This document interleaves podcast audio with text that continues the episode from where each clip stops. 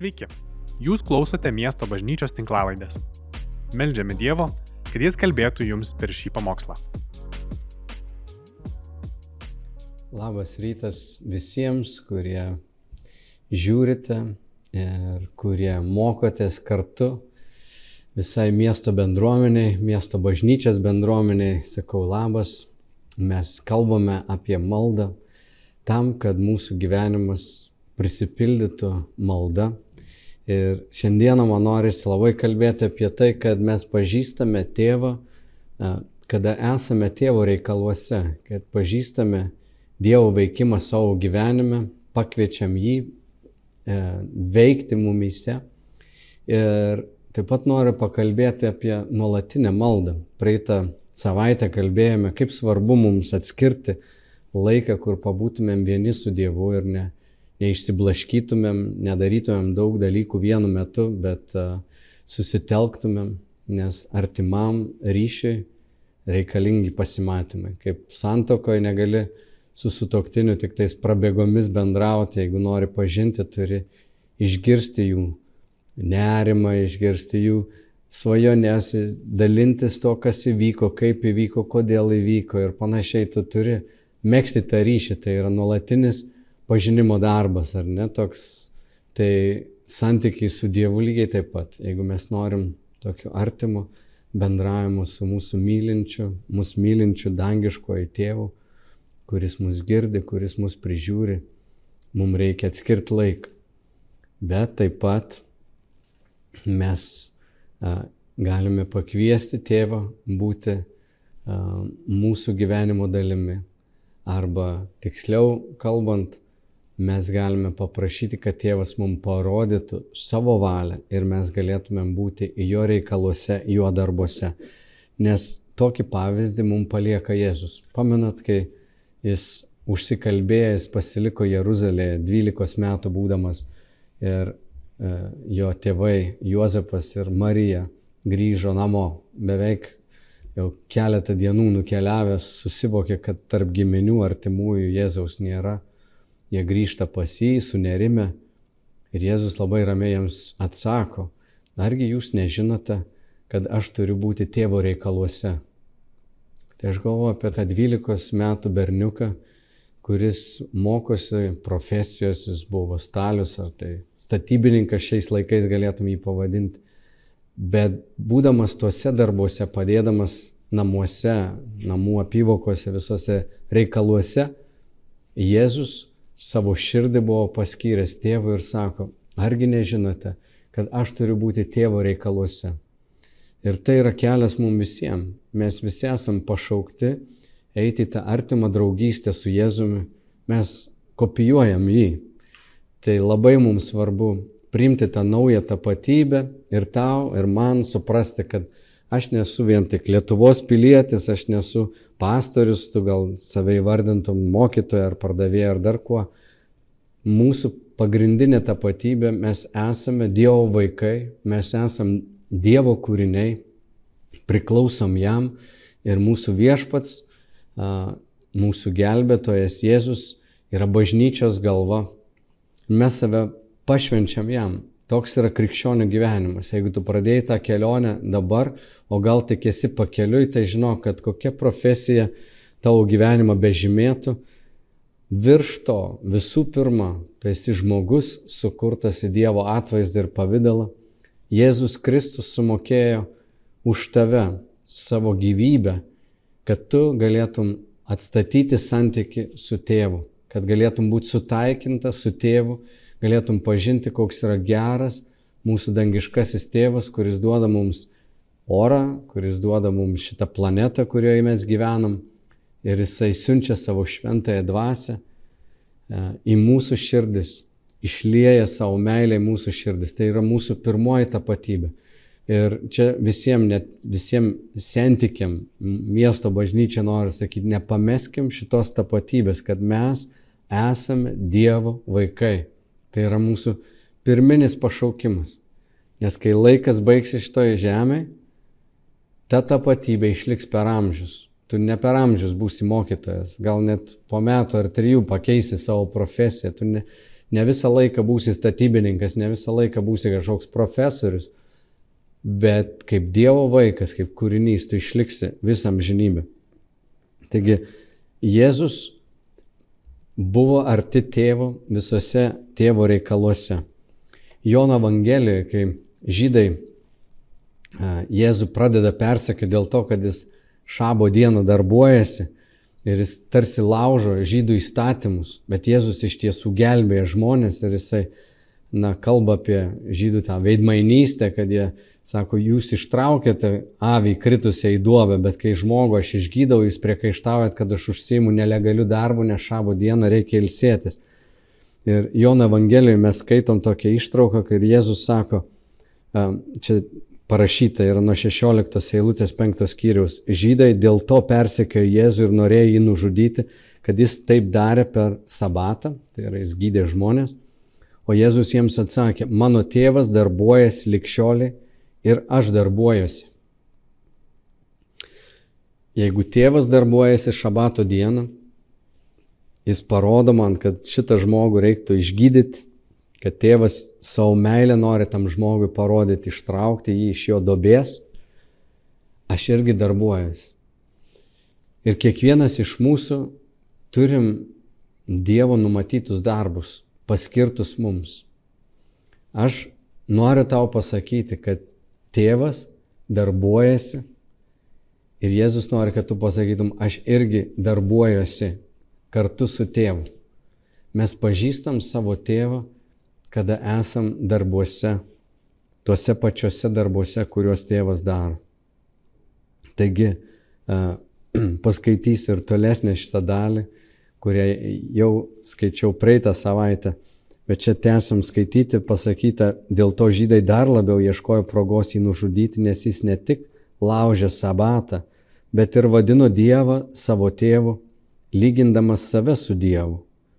Jėzus jiems atsakė, iš tiesų, iš tiesų sakau jums, sunus nieko negali daryti iš savęs, o vien tai, ką mato darant tėvą.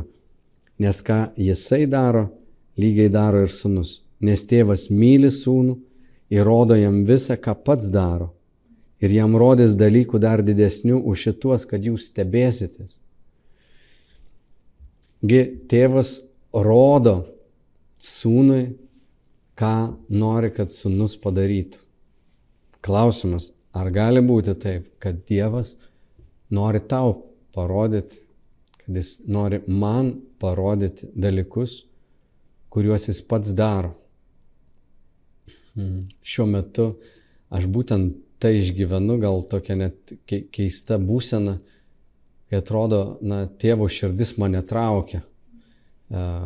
Kažkaip visai neseniai mano vat, gyvenimą atėjo pirmą kartą migruojantys žmonės, migrantai, labai pažeidžiami žmonės. Kai buvau Vokietijoje, aš esu ir dalinęsis jau su kai kuriais iš jūsų. Išgirdau istoriją žmonių, kurie bėga nuo mirties, nuo persekiojimų, nuo bado, kiti bėga šiaip geresnio gyvenimo, bet daug kas dėl nesaugių aplinkybių bėga. Ir žinot, toks jausmas man, kad Dievas ten labai darbuojasi. Jūs galbūt žinot, kad Vokietijoje, Švedijoje bažnyčios augimas šiuo metu Europoje vyksta per migrantus, per musulmonus, kurie tampa krikščionimis, kurie įtiki Kristų ir aš taip matau tokį, na, Dievo tokį veikimą, kad Dievas pasiekia žmonės, kada jie, na, yra labai pažeidžiami. Ir šventame rašte mes daug matom nuorodų, kur Dievas save vadina našlių tėvų, našlaičių tėvų. Jis yra su tais, kurie yra prislėgti Ir man taip įdomu, kad na, grįžus man iš Vokietijos susilaukiu vieno skambučio, kito žmonės pradėjo kažkaip kontaktuoti, toks jausmas, vat, kad kaip kalbėjau praeitą savaitę, tarsi šventoji dvasia pučia į nugarą ir sako, eik, aš tau parodysiu, ką aš darau. Ir kartais būnant Dievo reikaluose, na, va, toks jausmas, ta, tavo širdis negali kažko nedaryti. Ir pati širdis keičiasi. Ir aš žiūriu Jėzų, jo gyvenimą, jisai vaikšto Izraelėje, jisai mato luošų žmonės ir aš kovoju, tėvas jam rodo, sunau, išgydyk šitą žmogų. Sunau, eik melskis už tą žmogų. Sunau, eik dabar į tą miestą, pasiek tas pražuvusias to miesto avis. Ir Jėzus kaip gerasis tas ganytojas, jis eina ieškotų pražuvusių avių. Mes visi, kaip krikščionis, būdami eklezijos ar net Dievo surinkimo arba bažnyčios dalimi, turim tą pačią misiją. Tėvas nuolat darbuojasi. Šiandien jis darbuojasi Lietuvoje, jis darbuojasi tarp tavo giminaičių, jis darbuojasi tarp tavo kaimynų. Mums tik reikia pamatyti, mums reikia, kaip Jėzus čia sako, sunus nieko negali daryti iš savęs, o vien tai, ką mato darant tėvą. Ar tu matai, ką daro tėvas? Ar tu pažįsti tėvo širdį savo aplinkoje? Ar matai, kur jis veikia, matai, ką jis daro? Palaiminimas didžiulis mums, kaip krikščionėms, yra atpažinti tėvo veikianti ir jausis, palauk, aš esu bendradarbis su Dievu. Yra tavyje įdėtos dovanos, aplinkybės, kurias Dievas į tavo gyvenimą atnešė, jos ne šiaip savo. Nėra tokio dalyko kaip atsitiktinumas. Dievas viską prižiūri. Iki tiek, kad net tavo plaukai yra suskaičiuoti, tavo gyvybė yra brangi, tavo laikas yra brangus, tavo dienos, kurios bėga, jos yra brangios, jos neturėtų būti išvaistytos. Ir žiūrėkit, kokį nuostabų Jėzus duoda pažadą. Jono Evangelijos 12 skyriui 26 eilutė jis sako, kas man tarnauja, tegul seka paskui mane. O kur aš esu, ten bus ir mano tarnas. Kas man tarnauja, tą pagerbs mano tėvas. Jėzus kviečia mus visus jam tarnauti, juo sekti ir ten, kur mes būsime su juo jam tarnaujantis, pažada, kad jis bus su mumis. Koks palaiminimas yra pamatyti tėvo ranką ten, kur mes esame. Gal tu šiandien pradėjai triadą ir sakai, va, aš turiu širdį, noriu pakviesti porą žmonių, kad galėtum kiekvieną savaitę susitikti, galėtum melstis. E, ir Dievas tau įdeda tos žmonės į širdį, nes Jis nori palaiminti tavo sesės ar tavo brolius ir nori, kad tu būtum su jais, kad jūs kartu auktumėt, kad susirinkę jūs melstumėtės, turėtumėte atsiskaitomybę, nes be atsiskaitomybės be kitų palaikymo, na, neišeina dvasiškai gyventi. Nėra tokio dvasingumo, kuris būtų uždarytas vienam kambarėlį ir tu, na, nesu kuo nebendrauji. Iš tiesų, kai kuriem iš jūsų turbūt yra labai sunku dabar net melstis. Ir aš galvoju, kad Dievas tau gali padėti išeiti iš tokios dobės, kur tau sunku melstis per maldą su kitais krikščionėms, su kitais broliais esam. Gal ateik į maldos susirinkimą, gal gal vat, suras kitus porą žmonių ar prisijung prie Biblijos studijų grupelės, prie maldos grupelės, kad galėtum melstis. Nes kai tavo širdis sušils maldoje, kai tu matysi, kai tėvas atsako, pamatysi, kaip gera yra sekti juo. Ir jo pažadas yra, kad jeigu mes klausysim, jeigu mes jį seksim, kuris eina, pats Jėzus bus su mumis ir tu jausi jo artumą. Taigi mūsų tapatybė, apie kurią paštalas Paulius tiek daug kalbėjo, jis sako, kad mes turime jo dvasę. Romiečiams 8 skyriuje 14-15 eilutė sako, visi vedami Dievo dvasios yra Dievo vaikai. Jūsgi esate gavę ne vergystės dvasę, kad ir vėl bijo, turėtumėte bijoti, bet gavote į vaikystės dvasę, į sunystės dvasę, kurioje šaukiame Aba tėve. Ir laiškė Galatams sako, kadangi esate įvaikiai, Dievas atsiuntė į mūsų širdį savo sunaus dvasę, kuri šaukia Aba tėvę. Krikščionių gyvenimas pasižymi tuo, ne kad jis išoriškai na, į bažnyčią vaikšto, bet kad savo širdyje nešioja šventąją dvasę, kad Dievo dvasia atgimdė jį kaip asmenys, yra gimęs iš aukšto, gimęs iš dvasios. Tas yra krikščionis. Kas negimė iš dvasios, kas negimė naujai, Jėzus sakė, tas neįeis į dangaus karalystę. Tai krikščionybė nėra kažkoks uh, uh, toks kultūrinis reikalas, socialinis uh, susirinkimas, socialinė kažkokia erdvė, kur mes sueinam ir sakom, o kokie mes faini, visi moralūs, geri žmonės, mes pozityviai mastom ar panašiai. Pagrindinis išskirtinis dalykas, kad mes esam krikščionis, kas reiškia panašus į Kristų arba kaip mažas Kristus, tai yra, kad Dievas siuntė į mus dvasę, kuri šaukia Aba tėvę. Ir žinai, kartais mūsų prote gali būti prisiminimai, galbūt blogi santykiai su tėvu, ar apskritai tų tėvų neturėjai, tau sunku net tą žodį gal pasakyti. Bet ankstyvoji bažnyčia ir apaštalai, jie buvo taip paveikti Jėzaus mokymu, kad Jėzus kvietė mus vadinti tėvą, dangiškai visagali kurėję, tą, tą didį Dievą, kurio žydai bijojo, kurio vardo jie netarė iki šios dienos. Jie sako, į Dievą kreipia, sako, ir vardas liepia mums daryti tą ir tą. Jie, jie naudoja tiesiog, sako, vardas, jie net ne, nepasako to tikrojo vardo, kad nepanaudotų jo be reikalo, bet Dievas yra šventas, galingas, teisingas, didis, visą visatą sukūręs, protas mūsų neišneša iš tikrųjų jo didybės. Jėzus atėjęs sako, tai yra aba, tai būtų, na, tėvelis. Toks švelnus žodis, labai artimas santykis. Tai yra santykis, kur net suaugęs sunus atėjęs apsikabina ir sako tevelį. Ir ten yra šiltumas, ten yra supratimas, įsiklausimas. Yra, um, vakar buvau kelionėje su vienu broliu iš Pakistano ir jo tėtis paskambino ir sako, aš taip tėti myliu, sako, mes kas ten 2-3 dienas susiskambinam ir, ir pasilabinomės. Bet ten toks šiltas, šiltas santykis. Jis jau suaugęs vyras, bet su tėčiu, na kaip vaikas, vis tiek tėčiais vaikas visada bus. Ir toks tas šiltas santykis galvoja, va čia yra aba, aba, aba.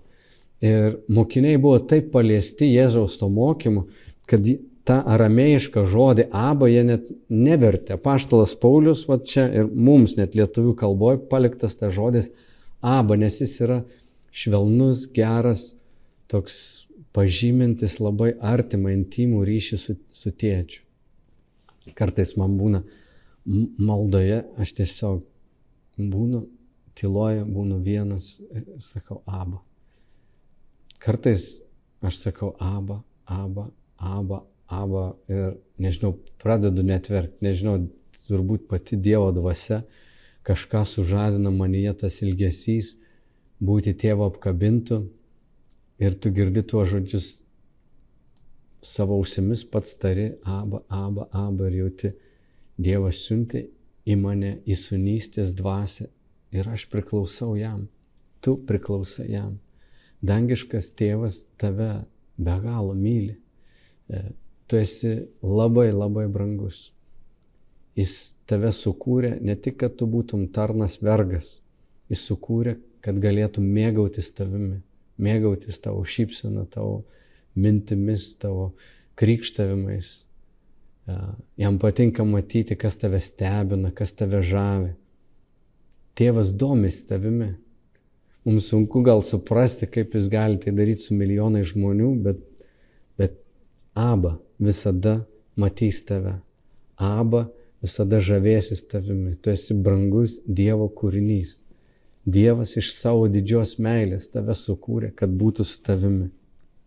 Taigi apaštalas Paulius taip apimtas to, to, to suvokimo, kad Dievas, kuriam jis tarnavo, pats būdamas dar fariziejus, kad Dievas yra griežtas, kad apaštalas Paulius prieš tapimą tuo apaštalu pasiuntiniu Kristaus persekiojo bažnyčią būdamas fariziejus, jisai bandė apginti tikėjimą, galvojo, kad jis turi jį saugoti, ginti nuo kita, kitatikių, nematydamas tos Dievo didybės.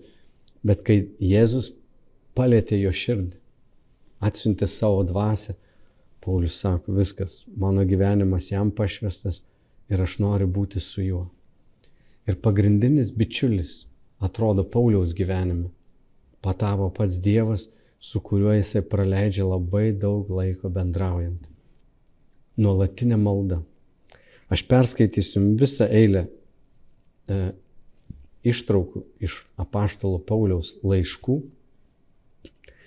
noriu, kad susidarytum įspūdį, kiek Pauliaus gyvenime buvo maldos arba kiek jis įtraukė Dievą į savo tą kasdienį gyvenimą. Taigi pradėkim. Laiškas romiečiams pirmas skyrius. Be palievos jūs prisimenu visuomet savo maldose prašydamas. Pirmas korintiečiams. Aš nuolat už jūs dėkoju Dievui. Laiškė feziečiams. Nesiliauju dėkojas už jūs, prisimindamas jūs ir melzdamas. Kiekvienu metu melskitės dvasioje visokiojopomis maldomis ir prašymais. Be paliovos būdėkite, malda užtardami visus šventuosius. Kolosiečiams. Todėl ir mes nuo tos dienos, kada tai išgirdome, nesiliaujame už jūs meldę ir prašę. Būkite atsidėję maldai, būdėkite su ją dėkodami. Jūs sveikina jūsiškis Epafras, Kristaus Jėzaus tarnas, kuris visuomet grumėsi už jūs maldose. Tesalonikiečiams. Mes visuomet dėkojame Dievui už jūs visus, prisimindami jūs savo maldose. Todėl mes be paliovos dėkojame Dievui. Dieną ir naktį karštai maldaujame, kad mums būtų leista išvysti jūsų veidus ir papildyti, ko dar stinga jūsų tikėjimui. Antram laiškė tesalonikiečiams. Todėl mes nuolat melžiamės už jūs, kad mūsų Dievas padarytų jūs vertus pašaukimo. Toliau jis sako, aš Timotiejui, aš dėkoju Dievui, kuriam tarnauju, kaip ir mano protėviai sutyra sąžinę, be paliovos tave prisimindamas savo maldose dieną ir naktį. Taigi apaštalo Pauliaus gyvenimas pripildytas malda. Jis prisimena Timotiejų, jis prisimena Tesalonikos bažnyčią, Efezo bažnyčią, Korinto bažnyčią, prisimena žmonės. Jis Romos bažnyčią, kurios niekada neaplankė, 16 skyriui išvardina 32 asmenys vardais. Ir aš galvoju, palauk, tai čia yra tikras Dievo darbas. Dangiškas tėvas kiekvieną vardu pažįsta ir tokiam išskirtiniam teologiniam na, traktate, tokiam laiške, pačiam gale beveik visas skyrius vien vardai, sveikinimai. Ir man tai tokia, na, tėvo širdis ir apaštalas Paulius vis eina pas tėvą su dėkojimais, su prašymais, su maldomis. Ir jis prisimena tuos žmonės, prisimena jų vardus, su jais keliavo, su jais bendradarbiavo. Ir jis mus ragina, sako, džiaukitės viltyje, būkite kantrus varge, ištvermingi maldoje, laiškė romiečiams. O tesalonikiečiams jis irgi sako, be paliovos melskitės. Tai bažnyčia per daug amžių na, stengiasi praktikuoti tokį dalyką kaip nuolatinę maldą. Ir nuolatinė malda nėra, kad tu, būdamas buhalteris, skaičiuodamas skaičiukus kažkokiu būdu ten uh, užvertęs akis ten uh, kažkur išeini. Bet tai yra širdies nuostada. Kartais, būdamas kokiam susirinkime, aš, tarkim, žinodamas savo būdą, kaip aš linkęs dominuoti arba įsiveršti kažkokią idėją pristatyti, kartais tiesiog viduje sakau, aba, aba, aba, arba viešpatė Jėzau, Dovydo sūnau, pasigailėk manęs, pasigailėk manęs. Tai nuramina mano širdį, aš galiu būti maldai, aš galiu klausytis pagarbiau, aš galiu suvaldyti tai, kas man įprasta yra ir pasiduoti tėvui ir pabandyti atpažinti tėvę, ką tu darai, ką tu nori pasakyti, kas čia dabar vyksta. Tai mes visi turim savo na, polinkius, kitas gal labai linkęs užsidaryti ir, ir iš vis nekalbėti. Ir galbūt tu pabuvęs maldoje išgirsi, kad tėvas nori, kad tu pasakytum savo nuomonę, kad tu padrasintum, kad tu prisidėtum. Bet raginimas yra mums išmokti nuolat būti maldoje. Todėl ankstyvoji bažnyčia praktikuodavo tas tokias vadinamas vieno kvėpsnio malda. Atsimenat, Bartimėjus, jis taip ir meldėsi. Jėzau, Davido sūnau, pasigailėk manęs.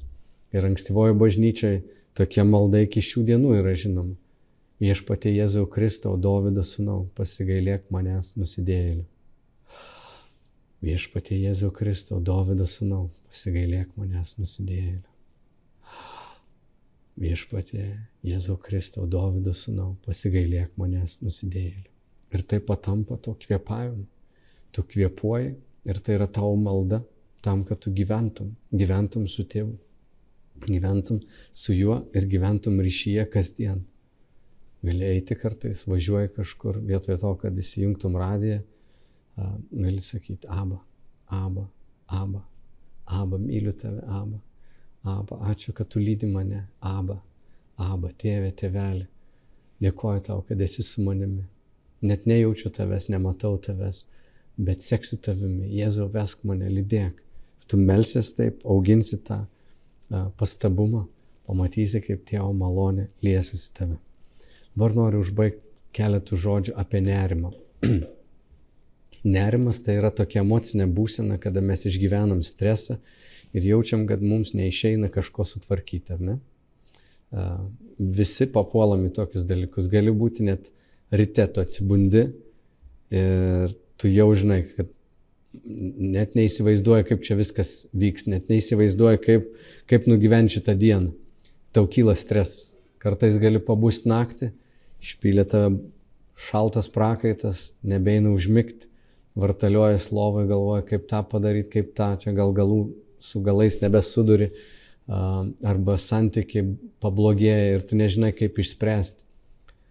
Nerimas yra mūsų natūrali tokia būsena, kada mes jaučiam, jog negalim susitvarkyti su savo aplinka, su savo užduotimis. Žmogus, na, studentas koks prieš egzaminą, jaus nerima turbūt kažkokį stresą, nes mokais, nežinai ar atsiminsi, nežinai ar tau pavyks suformuluoti sakinius taip, ar pavyks perduoti. O jei nesimokėjai, tai galvoja, ar pavyks suvaidinti, ar galėsi apsimesti, kad moku. Nežodžiu, įtampų visokių gali būti. Ir mano raginimas tau būtų paversti bet kokią nerimą, bet kokį stresą maldą. Kai tik tu pajusi nerimą, pradėk nuo paprastos maldos. Aba, aba, aba. Tėve, padėk, tėve, pagelbėk, tėve lydėk, tėve saugok. Matai, mums tai yra įprasta, mes gyvenam su nerimu nuolatos, mums reikia kviestis Dievą. Jėzus atrodo gyveno, na, laisvų nuo nerimo tokiu uh, būdu, ar ne?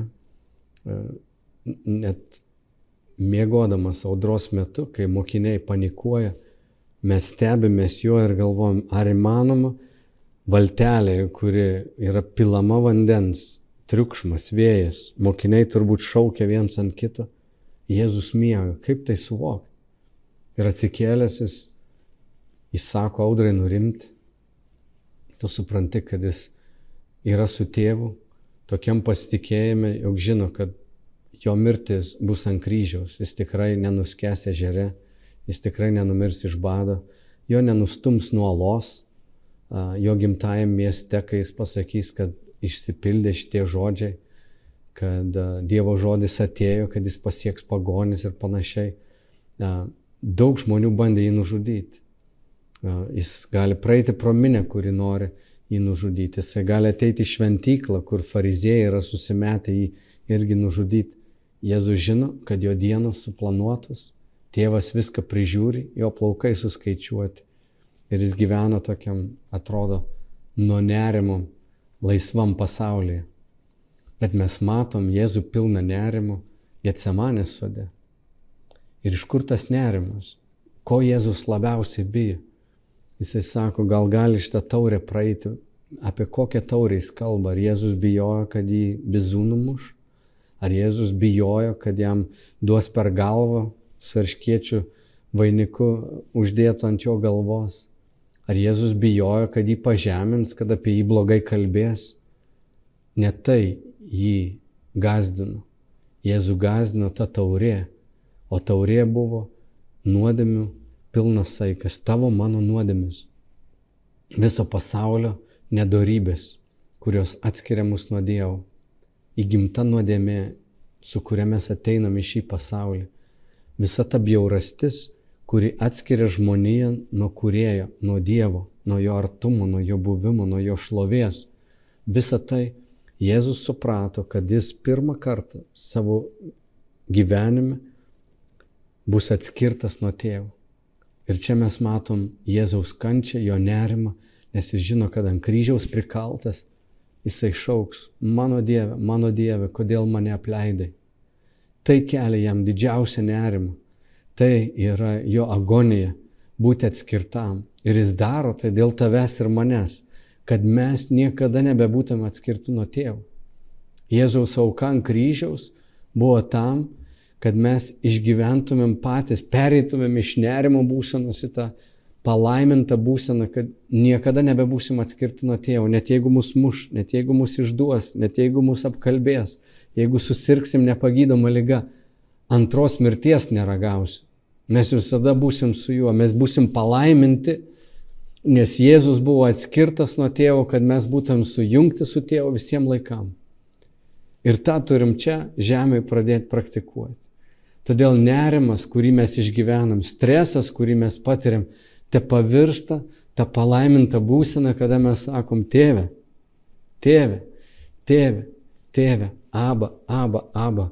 Aš nesusitvarkau su egzaminais, aš nesusitvarkau su šita uh, ekonominę situaciją ar būseną savo. Aš nesusitvarkau su tuo ar anu, bet tėve, aš turiu tave. Tėve, žinau, kad tu esi su manimi. Tėve, žinau, kad tu nepaliksi. Jėzau, žinau, kad tu darbuojas mano gyvenime. Va šita malda te, te, te, te būna mūsų nuolatinė malda. Trumpi mūsų prašymai, nes visi esam silpni, visi esam netobuli. Kartais, žinai, lengva pamokslauti man, sakyti va tuos žodžius, nerimą, e, kaip melstis. Aš užmirštu kartais, įsivažiuoju tą nerimą, tas nerimas tęsiasi dienas, kartais savaitės. Ir pabundi, sakai, viešpatie, kur aš, kur aš prapuoliau, kur, kur, kur pabėgau taip nuo tavęs. Nežinau, kad tu nuo manęs nepabėgi. Bet pastebėti, kad tas nerimas, netgi papulimas į kažkokią ilgą eilę, į kamštį automobiliai sėdint, tai gali būti Dievo kvietimai ateiti tau ir nurimti jo akivaizdai.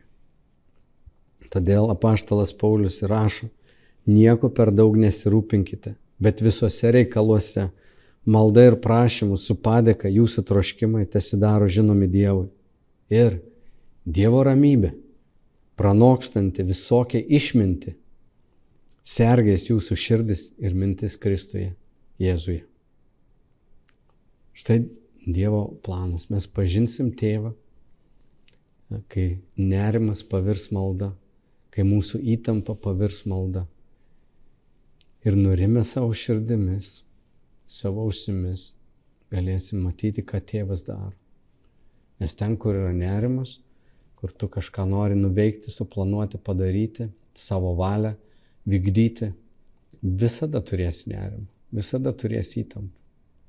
Bet ten, kur yra pasitikėjimas, kur atiduota viskas į Dievo rankas ir sakai, tėve, tu veik, tu daryk, tu padėk, ten ateis ramybė, kuri pranoksta visokią išmintį, visokį supratimą. Tu jos net negalėsi paaiškinti, bet ji apsaugos tavo širdį ir tavo mintis. Ir tada galėsi pasakyti, kaip Dovydas 131 psalmė, te būna tai ir mūsų malda viešpatė, mano širdis nėra išdidi, nei mano žvilgsnis neišpuikęs. Nesimu didžių dalykų, nei to, kas prašoksta mano jėgas.